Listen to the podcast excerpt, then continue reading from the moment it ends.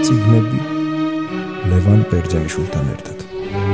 მოგესალმებით ძირფასო მეგობრებო ეს გახლავთ რადიო თავისუფლების პოდკასტი ციგნები და ჩვენ ამ გადაცემაში გვაქვს რუბრიკები.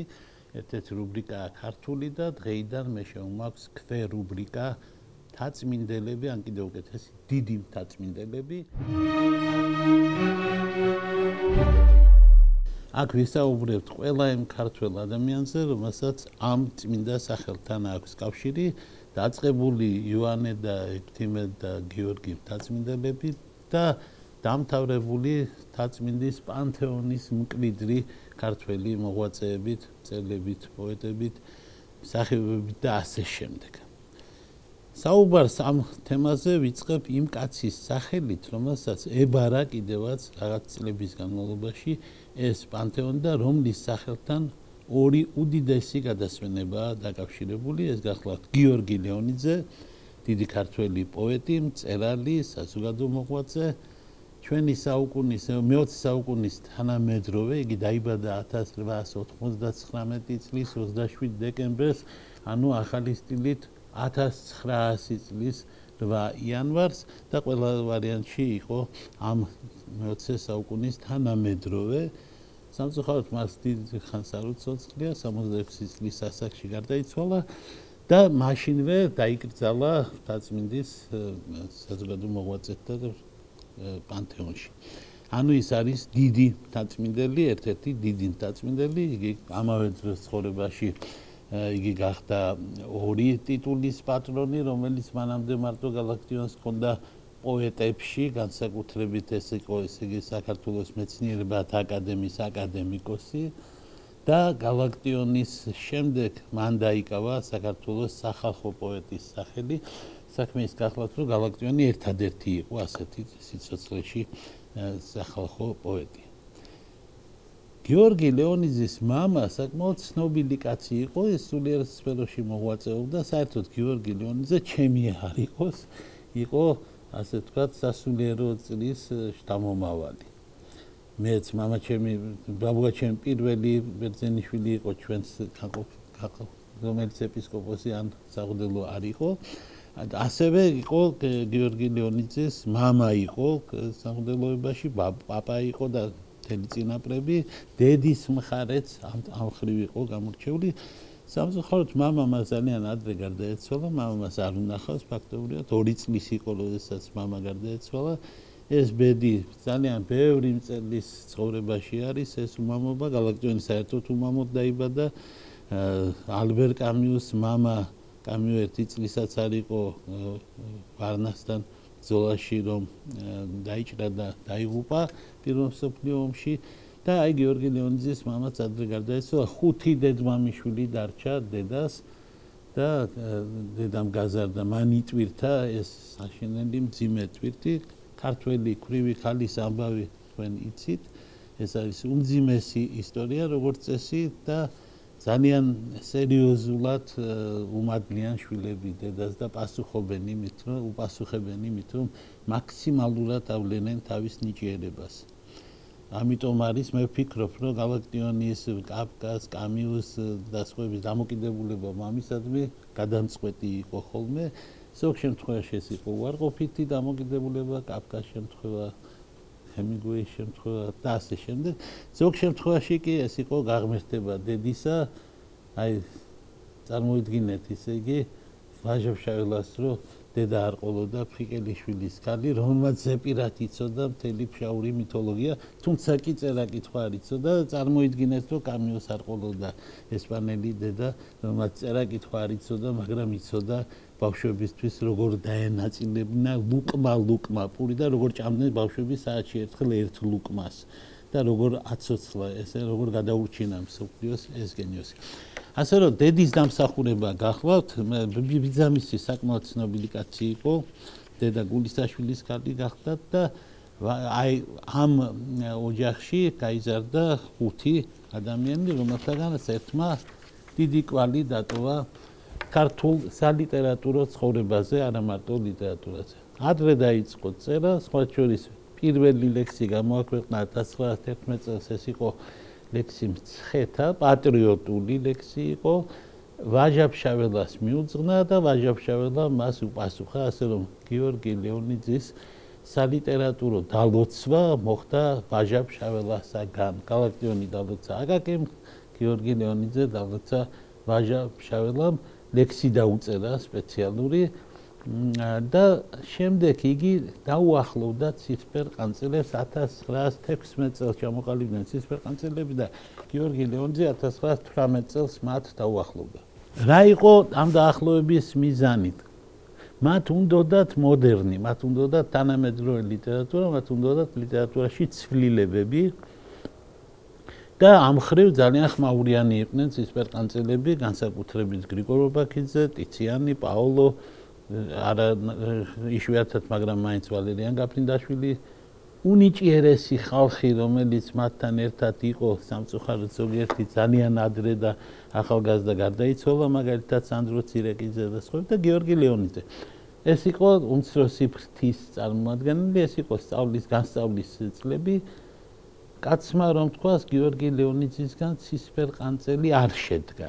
არ შედგა ორნაირად. პირველი მას არ ქონდა კორპორაციული დამოკიდებულება სხვა ავტორების მიმართ. ჩვეულებრივ ცისფერ ყანწელები იბრძოდნენ სხვების წინააღმდეგ და გიორგი ლეონიძე არ იყო ასეთი კაცი. ამიტომ იგი არ ახოლია იმას, რაც რასაც აკეთებდნენ სხვები, აღარ მინდა ამის გახსენებაც კი, იმიტომ რომ ნუ ლიტერატურაში ჩაულებრივი ამბავი არის, არის კორპორაცია და ერთი კორპორაცია ებრძვის მეორე კორპორაციას. უბრალოდ საქართველოს ყავდა ერთი კორპორაცია, რომელიც მარტო ერთი კაცისგან შედგებოდა ერქვა მას გალაქტიონი და ცისფერ ყანწელები გალაქტიონს ეომებოდნენ და გიორგი ლეონიძე ამ საქმეში არ მონაწილეობდა. ანუ ის არ იქცეოდა ამ თვალსაჩინო ცისფერ ყანწელად ეს ერთი და მეორე. ნამდვილი სიმბოლისტი მისგან არ ჩამოყალიბდა როგორც პოეტი. რატომ? იმიტომ რომ მასზე განსაკუთრებული გავლენა მოახდინა კლასიკურმა ქართულმა ლიტერატურამ. და შეუძლებელი იყო ეს მარტო ერთ კაცს გამოუვიდა, რომელიც თან მოდერნი იყო, თან თანამედროვეს ქმნიდა და თან კლასიკოსებიდან განსაკუთრებით ბარათაშვილს ეყნობოდა. ეს გალაქტიონი იყო ბარათაშვილი გიორგი ლეონიძის სიყვარულის საგანი იყო. მას აქვს ერთი ორჯერ ნამთქვამი, რომ იგი აღმერთებს ილიას და აკაკის, მაგრამ მეო გამაკბირვა მხოლოდ ბარათაშვილმა და ვაჟაფშაველამ. ვაჟაფშაველასადმე სიმპათიები აშკარა არის, ვაჟასთან სიახლოვე აშკარაა. ბარათაშვილთან მე ვიტყოდი, რომ პოეტური სიახლოვე შეიძლება ისე ახლოს არ არის. სამაგეროთ ფესვის გრძნობა, სამშობლოს გრძნობა მასში მოდის სწორედ نيكოლოზ ბარათაშვილი ჩვენ ასეთი პატრიოტი პოეტი მეორე არ გვყავს ბუნებრივად ვიცით ჩვენივრად მისი როლი ევროპეისტი პატრიოტი ქართველი საქართველოსთვის მებრძოლი მაშინ როცა მისი დედა და мама ერთმანეთს რუსულად ელაპარაკებოდნენ ასეთი იყო نيكოლოზ ბარათაშვილი და არ გაგიკვირდეთ რომ წელიწადი არ გავა რომ ერთი ლექსი ანამე არ მიუძღვნას გიორგი ლეონიძემ نيكოლოზ პარათაშვილს. სხვა შორის პირველი კრებული მარტომ არ გამოსცა რევოლუციის პოეტები ასეთი იყო იოტათი დაწერილი რევოლუცია და იყო ტიციანთან ერთად ტიციან ტაბიძე, გიორგი ლეონიძე ერთობლივი კრებული რევოლუციის პოეტები. შემდეგ იყო სალიტერატურო გაზეთი ბახტრიონი, რომელსაც იგი რედაქტორობდა და საერთოდ მინდა გითხრათ, რომ ეს შესანიშნავი პოეტი იყო ბრწყინვალე ორგანიზატორი. ის იყო ლიტერატურის ინსტიტუტის შესანიშნავი დირექტორი და ის იყო თაწმინდის პანთეონის ბრწყინვალესი მენეჯერი, დირექტორი.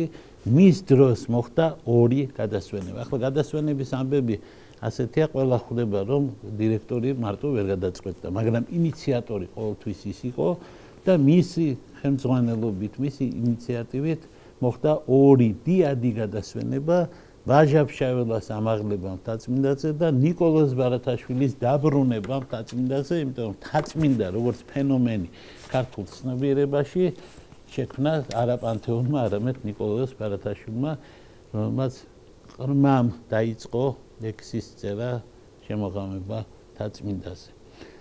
და ეს გადასვენებები იყო მისი ინიციატივა ყოველთვის, როცა თქვენ სურათებს დაინახავთ, დაინახავთ, რომ კიდეში, ანუ ცენტრალურ სამენეჯერო ადგილას ყოველთვის დგას ხოლმე გიორგი ლეონიძე. მე ყოველთვის მაოცებდა ეს სურათები. გიორგი ლეონიძე მაგდროს არის ახალგაზრდა კაცი 33 წლის და იქ 1.50-60 წლის კაცი დგას ხოლმე ასე ჩანს. ანუ ის ყოველთვის უფროსად გამოიყურებოდა ეს მოგეხსენებათ დიდი ტანის და დიდი ბუნების კაცი იყო შესანიშნავი ასე ვთქვათ ფიგურა წინვალე ადამიანი. galaktioni სხვა ჩვენის ქონდა ძალიან რთული დამოკიდებულება გიორგი ლეონიძესთან. მისი მძღოლი იხსენებს, რომ galaktionis უყვარდა და პატივცემდა გიორგი ლეონიძეს. მაგალითად, როცა ლეონიძე დაპატიჟებდა, ის ყოველთვის პატიჟებდა განსხვავების სხვებისგან. ის მასთან ნასვამი არ მივიდოდა, იმიტომ რომ ის ყოველთვის მიცავსო მეო, ამბობდა რომ არასდროს არ ამბობდა რომ მე სვამო. მოგესწრებათ საქართველოს განიხილებოდა საკითხი galaktionis წერალთა კავშირიდან გარიცხვის საკითხი, იმიტომ რომ არ წხვენდა წერალთა კავშირს, იმიტომ რომ ლოთობდა და ასე შემდეგ, კარგავდა ლენინის ორდენებს და მე ლავრენტი ბერიას საკუთარს ჩუქნიდა და აი მაგ უთქვამს გიორგი ლეონიძეს galaktionis რო გავრიცხოთ, მე იქ მინ დარჩებაო. მაშინ შექმენით არამსმელ წერალთა კავშირიო და ესე გადაარჩინა ასე თუ galaktionis ლეონიძე არის ძალიან თვითყოფადი პოეტი, თვითყოფადი აქვს მას ყველაფერი განსაკუთრებით კი ბგერწერა. მე თუ დღეს ვაპირებ შევადარო ერთმანეთს ლეონიძის და სხვების გერწერითი ასე ვთქვათ ნიმუშები, რომ კარგად გამოჩნდეს სად არის და როგორი არის ეს განსხვავება. მას რამდენიმე დიდი შედევრი აქვს დაწერილი. თვითონაც თქვა ერთხელ რომ სიჭაბუკე და ლექსი ერთია. ეს არის პარაფრაზი, ან პერიფრაზი ძველი ლათინური გამონათქვამისა ლექსიდან არის ნაწყვეტი amorem canat et asprima სიყვარულს უმღეროს პირველმა ხანამ. რო სიყვარულს უნდა უმღეროს ახალგაზრდობა. ლამაზი არის ახალგაზრდობის სიმღერა სიყვარულზე. და ჩვენ შეგვიძლია ვთქვათ, როგორ გამოვლინდა სწორედ ახალგაზრდობის დროინდელ ლექსებში გიორგი ლეონიძე. ნერტლი რომ იმ სიმაღლეს, რომელსაც მან მიაღწია სიყვარულეში, სიჭაბუკეში, იგი შეინარჩუნებს მხოლოდ შემდგომი გვიანი დროის პროზაში და პოეზიაში უკვე ვერა, იმიტომ რომ მართლაც ეს პოეტი ამ ტიპის პოეზია ძალიან დამოკიდებული იყო ახალგაზრდობაზე. ну მისი დიდი შედევრი მე ვფიქრობ რომ opus magnum გახლავთ ყიფჩაღის პაემანი მით უმეტეს რომ ეს არის ასე ვთქვათ რემინისცენცია მთელი ორი რამისა ეს არის რემინისცენცია ხალხური ყიფჩაღის ლექსის ერთის მხრივ მუხრანულის საიდანაც ეპიგრაფი არის მოტანილი ერთი მეც გადაუქნია წვერიმც უწდინე მიწასა მიწასა. ასე იწება მოგეხსენებათ მაგრამ ამავე დროს ეს გახლავთ ასე ვთქვათ რუსთაველის გადამღერებაც. მე ვერ ვიტყვი სიტყვა პაროდიას მაგრამ არის რუსთაველის ციტატა ორჯერ ამ ლექსში და ამიტომ მას აქვს ეს სიღრმე. ან მას ენიჭება ეს სიღრმე. ხალხი აძლევს სიღრმეს და რუსთაველი აძლევს სიღრმეს ამ შესანიშნავ ლექს მის დიდ შედევრს და იწება იგი ასე და ბგერწერას მიაქციათ ყურადღება იმიტომ რომ ამდენი ყ და ამდენი ღ ამდენი კავკასიური აბრუპტივი არც ერთ პოეტთან არ იქნება. ესა ვაშკაცური ხმა მე ვიტყოდი და აქ არის ესე იგი ძალიან დაძაბული ენერგიის ლექსი გახლავთ. ყორღანებიდან გნოლი გაფრინდა. აი როგორ იწება. აბარდოს ველი გადაიარა. ისევ აღდექი მუხრანის ბოლოს ჩასაფრებული სინჯავ იარახს. ქსანზე არაგზე ისევ ყვავიან ხოდაბუნები თავთუხებისა. შენი ტუჩებიც ისე ტკბილია როგორც ბადაგი დადუღებისას. უკვე ნათელია როგორ პოეტთან გვაქვს საქმე. პირველი ტუჩები. ანუ დამთავრდა წმინდა პოეზია, ეს არ არის რუსთაველი, ეს არ არის ბარათაშვილი, ეს არის ის ქართული პოეზია, რომელიც ხვებისაა, იმიტომ ქართული პოეზია იყოფა ორ ნაწილად ამ საკითხში. არიან ნატურალისტები და არიან ღვთაების ღვთაებისტები.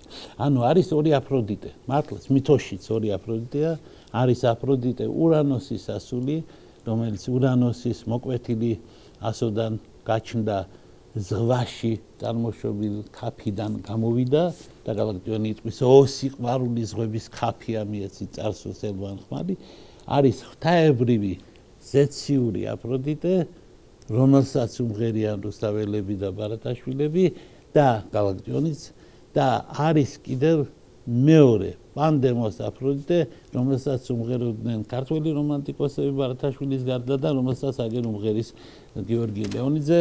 შენი ტუჩებიც ისე ტკბილია როგორც ბადაგი დადუღებისას. ანუ იწება ასე ვთქვათ თხრობა სიყვარულით და სიყვარული ესა ტუჩები ანუ სიყვარული ეს არის passion, ვნება, არა commitment, არა შეთანხმება, არა ინტიმასი, ანუ სიახლოვე, არამედ ვნება, ტუჩებში გამოხატული. ხოხბობას გნახე. მიწურვილ იყო, როცა ზაფხული რუსთაველისა. მიწურვილ იყო ზაფხული ქვეყნა დამოსვლა მწვანისა ვარდის ფურცლობის ნიშანი დრამათის პაემანისა. ვეფხის ტყავსანი ასე ოსტატურად მოიხმო ჯერ ახსენა მისი ზაფხული და მე ვინაიდან ეს შეუძლებელია თელ ციტატა არ გაახსენდეს ქართველ ადამიანს, ქართველ კაცს, რომელსაც უყვარს რუსთაველი და ამიტომ ბოლოს პირდაპირ იმასაც გააკეთეს. ამას ქვია ეს მოტივი, ანუ მოლოდინის მოტივი. როგორც მუსიკაში მან გააჩინა პირველი გერა, პირველი დასაწყისი, და მერე იქნება ამავე მელოდიის დასასრული, რასაც შეგვიძლია გადაწყვეტად უწოდოთ მუსიკას თოდნობის ენაზე. ნეტანს ბადაგი არ დამელია და იმ დღეს ხმალი არამელესა ტრამალ და ტრამალ გამოგედებნე შემოამტვე გზები მტრიანი შემოამტვე გზები მტრიანი ცხეთას უმტრიე საკლეტურები ვლეწე ტაძრები კელაპტრიანი მაგრამ თვითონაც დაილეწება დაბადებულა ვინც კი ყიფჩაღად. მუზარადიან შენს ხმალს შემოხდი თავი შუაზე გადამიჩეხა.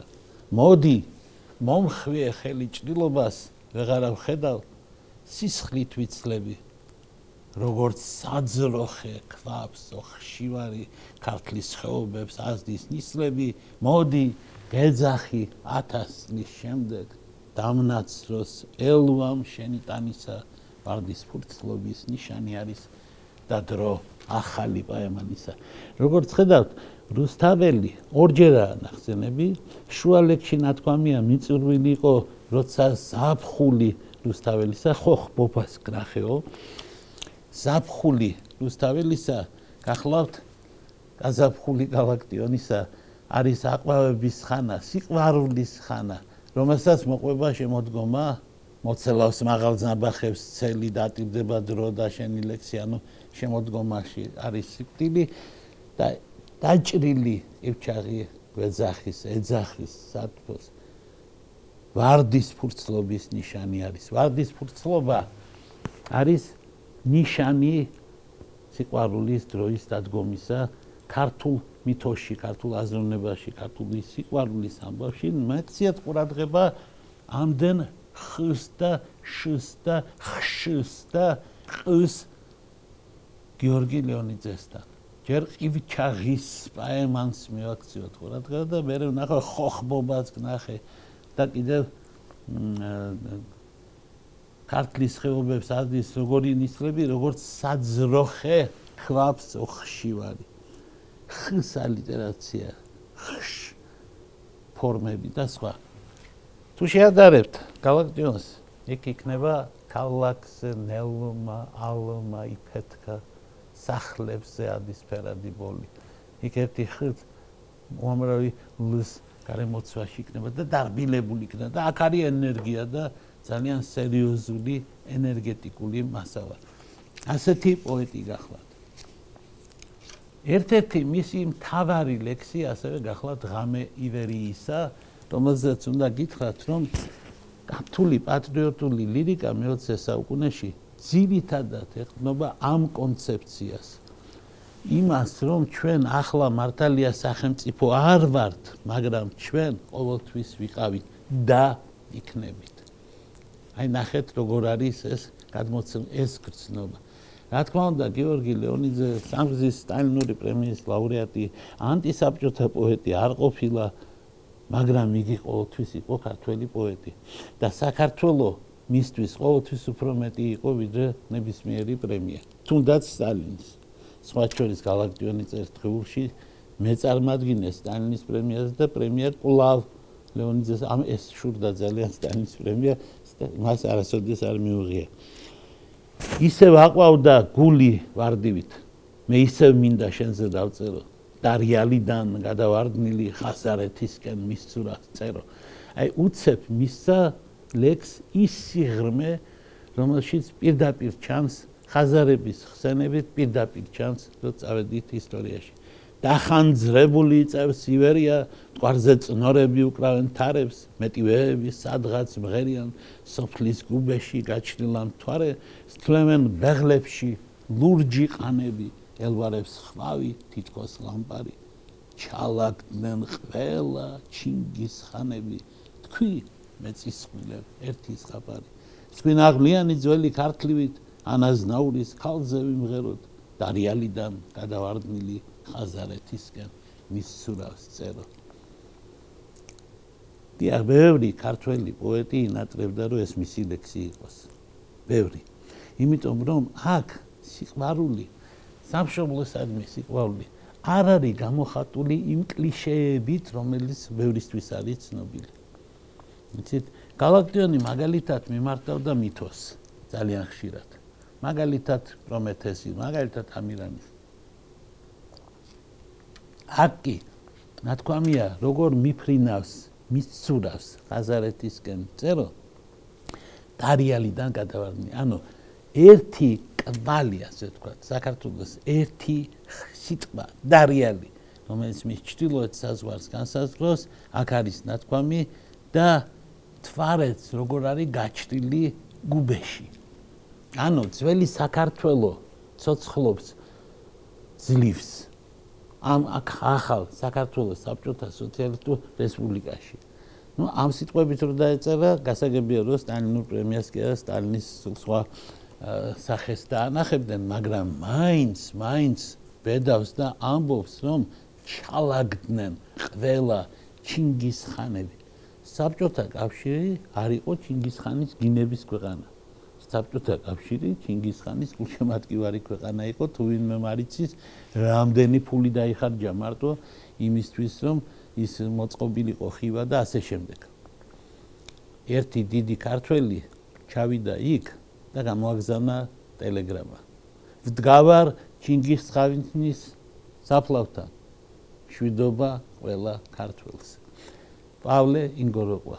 და აი ამ ჩინგისხანებზე ითქვა რომ ჩალაგდნენ ყველა ჩინგისხანები ნაღვლიანი ძველი ქართლი არის ნახსენები ანუ შეხსენებული არის რომ ჩვენ სამშობლო გვაქვს. კი ბატონო ეს ის ქვეყანა იყო სადაც ყველა მღერო და მოიდომნი მოიადრეს ნიდომნი ულიცა მოიადრეს სავეტსკი საიუზ მაგრამ იმედია ჩვენ ხვდებით რომ ხო უნდა ვთარგმნო ხოლმე იმიტომ რომ დღეს ახალგაზრდების დიდმა ნაწილმა რუსული არის ის და მე ეს არასოდეს არ მახსოვდა სულ შენიშნას ვიდეო. ჩემი მისამართი არის არა სახლი და არა ქუჩა ჩემი მისამართი არის საბჭოთა კავშირი. აი ამას ვღეროდა ქვეყანა რომელსაც შემოაპარებდნენ ხოლმე კარგი პოეტები აი ესეთ ლექს როგორც ხამე ივერიისა ხამეზე მინდა გითხრათ რომ ბევრი ლექსია ხამეზე დაწერილი გალაქტიონმა მე და ღამე დაწერა, სამაგეროთ გიორგი ლეონიძემ დაწერა ხამე ივერისა, ნინო წმინდის ხამე, ყივჩაღის ხამე. ნინო წმინდა განსაკუთრებული ეს მისი დაბადების ადგილია, ეს მისი სოფელია. ყოველთვის როცა კახეთში მივდივართ ან ქართლში ახლოს მივდივართ, ნინო წმინდას გავივლით და ვარიანტი არა არ გაიხსენო ეს ლექსი არ გაიხსენო, არ გაიხსენო გიორგი ლეონიძე და არ გაიხსენო მისი გენიალური მოთხრობების კრებული, რომელმაც შეადგინა მთელი შესანიშნავი ციგნი, სადაც ასე ვთქვათ, სიმამაზეზე იყო თავარი აქცენტი გაკეთებული. ნინო წმინდა პალატები მეფეთა გალავანში ჯამი აკაფებული შენი სახე რისთვის შემომეფე და ხატი იყავ ვეფხი დაკალებული როგორც ხედავთ რითმები რითმები უყვარს ძალიან და ამ თვალსა ისეთ იგი შესანიშნავი ოსტატია. საზანდარმა ღამეა ცახცახა ავთანდილის წვადი ცეცხლზე შხიოდა. ხო ხედავთ? აქვს თავისი საფირმო ნიშანი. შხ ხო? ხშ შხ. ეს ლეონიძის ერწერის ნიშნებია. იქ იყო საძროხე ქვავს ოხშივარი. აქ არის ავთანდილის წვადი ცეცხლზე შხიოდა. ეს შხ ენერგიას იძლევა და ატმებით მოიარე ჩახჩახა და გაზაფხულს რძის მიასდიო და ნინოწმინდა ჩვენ როგორც ხაზარები ოღიმ ღამეს როგორ აგვაბრიალა საქართველოს ლექსის მეხანძარენი ძმობა მცრემა სიყვარულის იარა. პოეტს უწოდა ლექსის მეხანძარე. ცეცხლის ჩამქრობი კი არა ცეცხლის გამჩენი ესა ის გმირი რომელიც შემოვარდა დალეცა ყველა ბერძენი და გაუქანა ჩირაღდანი და ააფეთქა და ააბოლა და დაწვა ბერძნული შავი ხომალდი. ესენი არიან ქართველი პოეტები ეს ჰექტორები ეს სამშობლოს მცველები ეს ლექსის ცეცხლის დამანთებარნი. როგორც ხმალი ძმებო ტამერლანისა სიყვარულის დამჯახებია მე მივტირი ღამეს ზამბახებიანს და სიყვარულს ათაბაგის კალისას ზამბახი აქაც როგორც galaktionთან სიყვარულის სიმბოლოა. ძუძუები ოქროს კალმახებია წამწამები აქ თავთუხის ხანისა წინანდალის ვაზი აყვავებული ჩამოსმული ოქროთ და თაფლითა აფრენილი ბაზიერის დაფითა დურაჯი ხარ მაყვალ შეფარებული ნინოწმინდა ჩვენ როგორც ხაზარები ოიმ ღამეს როგორ აგვაბრიალა საქართველოს ლექსის მეხანძარენი ძმობამ ცრემმა იმ პატარა იარა. ყივჩაღი ხაზარი ეს არ არის მარტო ისტორიული სახეები. ეს არის საერთოდ ტრაგიკული თავისუფლების მოყვარე და თავდადე სიყვარულისთვის თავდადებული მეომარის მეკობრის და ასე თქვათ იანიჩარის ანუ პოეტის სიმბოლო. ერთხელ რომაულ პოეზიაში ითქვა ასეთი ოქროს სიტყვები. Militans omnis amans მეომარია ყველა შეყვარებული. ვაიმ შეყვარებულს რომელიც მეომარი არ არის. და ჩემი ახალგაზრდობიდან მოყოლებული დიდი სიყვარული ლექსი რომლის გამო აი სულ არაფერი არ ეკნა გიორგი ლეონიძეს. თუ არ ქონოდა ამდენი დამსახურება. მა ის იყო რუსაველის მკვლევარი ის იყო ქართული პოეზიის გამომცემელი. მან დაგვიბრუნა ძალიან ბევრი სახელი მამუკას სახელი იოსებ თბილელის სახელი ბევრი რამ ის იყო წინვალე ხელმძღვანელი. ის მან გადასვენებებში ძალიან აქტიური როლი შეასრულა და მან ბევრი წინვალი ლექსი დაწერა, მაგრამ სულ არაფერი არ ეკნა და დაეწერა სიმღერა პირველი თოვლისა, ის რა თქმა უნდა დაიმსახურებდა იმ ადგილს, რომელიც უკავია ქართული ხალხის გულში. ეს თოვლია თუ მიმინო დააფეთა მტრედები. ვარსკვლავთა ოთახებში ჩაქლემილებს ეძინათ, ეხურად ხაბერდები. ეს არის უკვე სხვა რიტმი, ესა ცოტა ზეწოლა, ასე ვთქვათ, ლექსზე, ეს არის ხელოვნების ძალა გამოვლენილი ენაში, ეს არ არის ენის მორჩილება, ესაა ენის დამორჩილება. ჩქარა მინდა ვუყელო მესმის მათი თქერანი სავსე თოფი მომეცი და ცხენი ნაკერალი ორმა გუნდმა კიდევაც დინარეში გასტოპა. ჩქარა თორემ წასულა ჩემი ახალგაზრდობა წასულა და წასულა. ნეტავ საი წასულა ის პატარა სიზრები სიჭაბუკის დღეები შორიდან მომღავიან როგორც მთიდან ირმები. ვაი ჩემ ჩემო თეთრო მტრედო გულო ჩემო კრიალა საკალმახე წყალივით ლექსი ვერ ვაწკრიალი და როგორც ციცი ნათელა აბეც არ ეკიდება სიჭაბუკის გარეშე ლექს ვინ მისცა დიდება. ხომ გითხარით? amorem canat et asprima უმღერო სიყვარულს პირველმა ასაკმა. ეს სრემლია თუ გულმა დაძრა ლექსის წრედები ვარსკვლათა ოთახებში ჩაკლემილი ესეძინა და ჰქონდათ იმედები. ეს ლექსია თუ მღერის გავლი დღეთა კრებული გულია თუ მინდორი დილას მოფუტკრებული არა ეს თოვლი არის ვარსკვლავების კაფიტა არა ეს წრედებია მიმინომ და აფეთა. ჩქარა მინდა ვუყელო თოფი ყორცნო ხმიანი ჩქარა ზარით მარხილი ოქროს ჩარდახიანი ორმა გუნდმა კიდევაც დინარეში გასწობა ჩქარა თორემ წასულა ჩემი ახალგაზრდობა. თაწმინდაზე დაინახავთ თუ არა ჩვენს სიძეს და ჩვენს უსაყვარლეს შვილს ნინო ჯავჯავაძისას მე რე ადიხართ პატარა კიბეს. და ხდებათ სამი პოეტის საფლავი. ეს როგორ იცით, ორი უფროსი ძმა არის და ერთი უმცროსი. გალაქტიონი წევს თავის საყვარელ ბარათაშვილთან ერთად. ხოლო მათ გვერდით წევს გიორგი ლეონიძე. ნათელში იყოს მისი სული, მისი კეთილი საქმეები, მისი კეთილი ღიმილი და მისი კეთილი სიტყვები.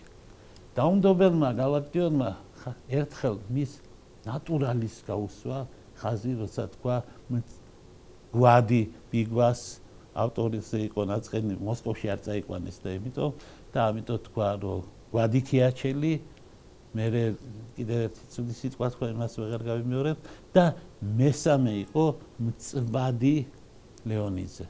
ამით ხაზი გაუსვა ნატურალის ლეონიძის პოეზიაში და წენას რომ ისავიდა მოსკოვში და თვითონ არა რომ ის იღებდა სტალინის პრემიას და თვითონ არა მაგრამ ყველას თავისი დარჩა. ყველამ თავისი ადგილი იპოვა მე ძალიან მიყვარს ინგლისური რომანების დასასრული ცხოვრებამ ყველას თავისი ადგილი მიუჩინა. ასე ასე ამთავრებს მაგალითად ერთ შესანიშნავ რომანს ჩარლზ დიკენსი გამოვეთხოვოთ გიორგი ლეონიძეს და დიდი მადლობა ყურადღებისთვის. ჩვენ ამ თემას დიდ მთაწმინდელებს ბევრჯერ დაუბრუნდებით